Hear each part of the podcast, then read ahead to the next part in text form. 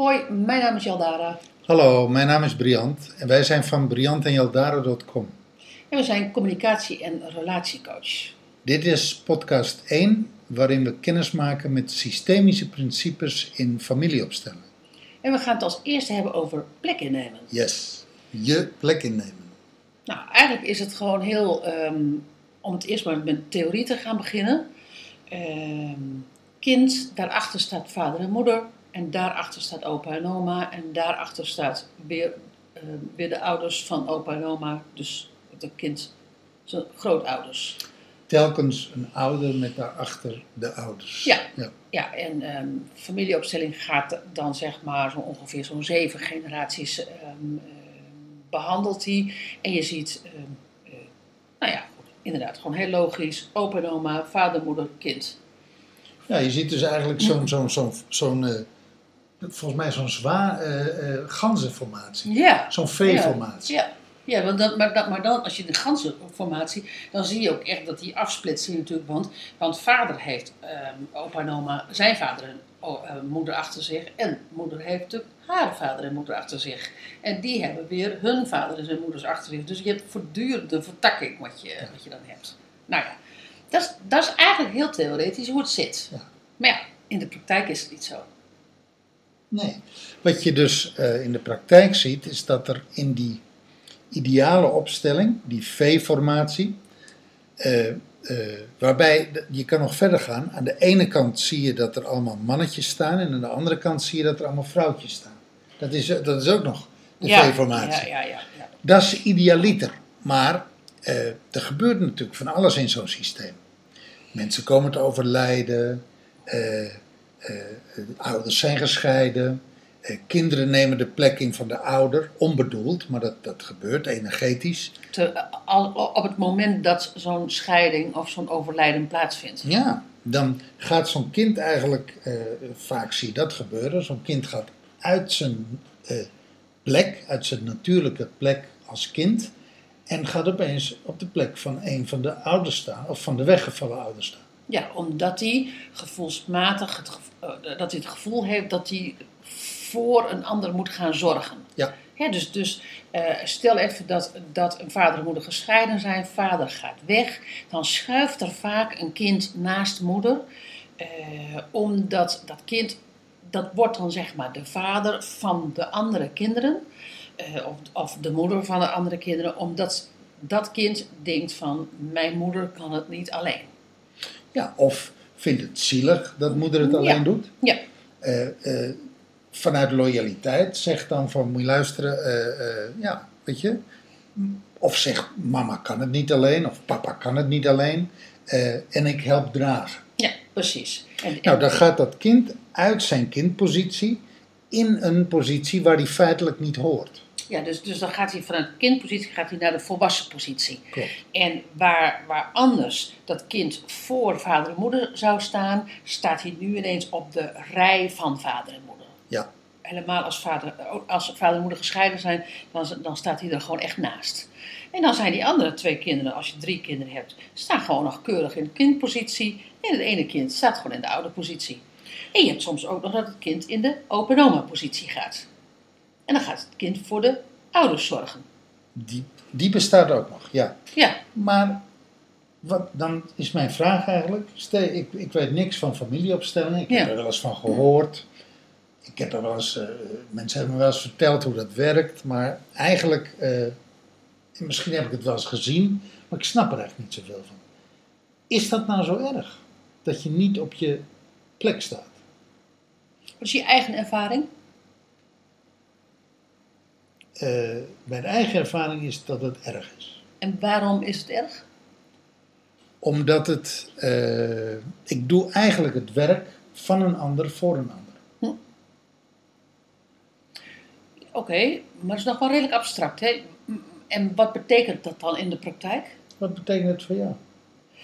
En wat betekent het voor mij? Het is voor mij wel echt belangrijk dat ik op mijn plek, ehm, op mijn eigen plek sta. Ehm, als ik even uit mijn eigen leven ehm, graaf, dan heb ik wel gewerkt voor anderen in het systeem, zoals we dat dan zeggen. Maar niet zozeer, ik stond niet zozeer op mijn vaders of moeders plek hoor. Ehm, maar ik heb niet kunnen spelen. Ik heb niet kunnen spelen. Als zijnde van als kind. Ik heb niet dat kind mogen kunnen zijn waardoor ik mocht spelen, waardoor ik eh, mij beschermd voelde door mijn vader en moeder. is niet bewust hoor, want als je mijn vader en moeder dat zou vragen, mijn vader is al heel lang overleden, mijn moeder leeft nog, dan, dan zouden ze zich echt kapot schrikken in de zin van, wat hebben we nou gedaan? Dat, dat, dus is niet bewust. Maar, maar, maar het voelt niet als beschermd als kind. Precies. En eh, eh, ik kom uit een gezin waar ik ben opgegroeid met mijn moeder. Mijn vader was er niet. Dus ik ben al vrij vroeg op de plek van mijn vader gaan staan. Ja. Ik ben voor een stukje voor mijn moeder gaan zorgen. Althans, ik, en ik merkte dat ik eh, extreem loyaal was naar mijn moeder. Ja. Ten koste van mezelf. En daar heb ik tot op latere leeftijd last van gehad. Dus, een, dus een versterkte loyaliteit naar de moeder. Waardoor, ik, eh, waardoor het langer duurde voordat ik autonoom was, voordat ik onafhankelijk was, voordat ik echt in mijn eigen plek kon gaan staan en kon zeggen: Dit is mijn plek, dit is mijn autonome plek. Nou ja, als je dat dan zo zegt, dan moet ik ineens denken aan kinderen. Kijk, eh, kinderen moeten zich op een gegeven moment gewoon losmaken van ouders. Dus op het moment dat jij op die plek van de ouder staat, dan ga je je dus ook niet losmaken. Zoals kinderen dat op een gegeven moment in hun, in hun jongvolwassen fase van het leven dat doen. Ehm, en, en in dat opzicht is het dus erg dat je dus niet op, de, op je eigen plek staat. Want dat was de vraag, hè? de originele vraag van wat is het nou erg dat je niet op je eigen plek staat als je helemaal niks van dit hele verhaal weet. Nou ja, het mooie is, daar kun je tegenover zetten. Wat is het, hoe ziet het eruit als een kind wel op zijn goede plek staat? Ja, dat is wel belangrijk, want als je namelijk niets van dit weet, dan kan je voelen of je op je plek staat. En of iedereen op zijn plek staat. Precies. Een, een kind wat op zijn eigen plek staat, wat zich gedragen voelt door vader en moeder, wat zich gesteund voelt door vader en Dus, moeder. dus, dus, dat, dus dan kan je letterlijk voorstellen dat moeder staat, aan de, staat achter je aan de hartkant en de vader staat ernaast. Hè, dus, dus Aan de andere kant, aan de andere kant. En die staan zeg maar eh, achter je. En kan je, als je dan een klein stukje naar achteren leunt, kan je dan voelen dat je zeg maar opgevangen wordt. Ja. Dat je gesteund wordt. Zonder dat je gewoon, zonder dat je helemaal naar achteren klapt. Maar dat, dat, dat kan je gewoon energetisch kan je dat voelen. dat betekent dat je je veilig voelt. Dat betekent dat je de ruimte voelt om vooruit te gaan, dus om het leven te ontdekken. Dat betekent dat je eh, eh, qua normen en waarden, eh, is dat bij je in balans. Je emotie is in balans.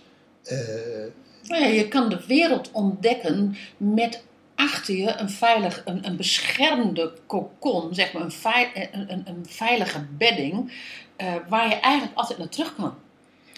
Ja, en je voelt, je, je voelt dat je ouders trots op je zijn. Ja. Je, je voelt je gewaardeerd. Eh, je kan bij ze terecht met je verhaal, met je vragen, met je, nou ja, met je worstelingen. Eh, eh, kortom, ouders die altijd achter je staan, die altijd in je geloven en die je ook die goedkeuren wat je doet. Ja, en wat wel belangrijk is voor de, voor de kinderen uit gescheiden situaties, die, voel, die, die, ehm, die kunnen ook die vader en moeder achter zich voelen, hun, hè, dus hun eigen biologische vader en moeder. Ondanks dat de ouders gescheiden zijn, zijn ze als ouders bij elkaar gebleven. En dan kan je het dus ook voelen. Dus op het moment dat jij dus voelt in die zin maakt gescheiden of onscheiden niet Nee, uit. maakt niet uit. En dan zie je dus eh, dat als het wel gescheiden is en ze zijn als ouders zijn ze niet bij elkaar gebleven, dan voelt dat letterlijk dat, dat er een gat zeg maar Nou, is. dan maakt het wel uit. Dan maakt het wel uit. Dus wat we eigenlijk zeggen is, het hoeft niet uit te maken. Maar in de praktijk zie je eigenlijk vaak dat het, dat het heel veel uit. Ja, maar even als je zegt van nou, hoe voelt dat dan? Hè? Van je eigen plek innemen. Nou, dat kan je eigenlijk als je de ogen dicht doet, kan je dat eigenlijk heel makkelijk voelen. Ja. Nou, dat. Je plek innemen. Oh ja, en dat, het goede nieuws is, stel nou dat je eh, dit alles niet voelt en dat je voelt van hé, hey, dan sta ik dus waarschijnlijk niet op mijn plek. Door een systemische familieopstelling te doen, kun je eh, alsnog de plek innemen waar je feitelijk hoort. Dus je kunt dat herstellen. Ja, ja dat, is, dat, is, dat is wel heel bijzonder aan die, aan die methodiek. En dat is eigenlijk een hele simpele handeling. Of een aantal simpele handelingen. Ja, Dus het kan soms zijn dat, dat die verstoring redelijk eh, groot is. En op een aantal niveaus, de verstoring op een aantal niveaus is. Dan heb je een aantal opstellingen nodig. Maar eh, op den duur ja krijg je heel veel verstoringen goed met familie. klopt.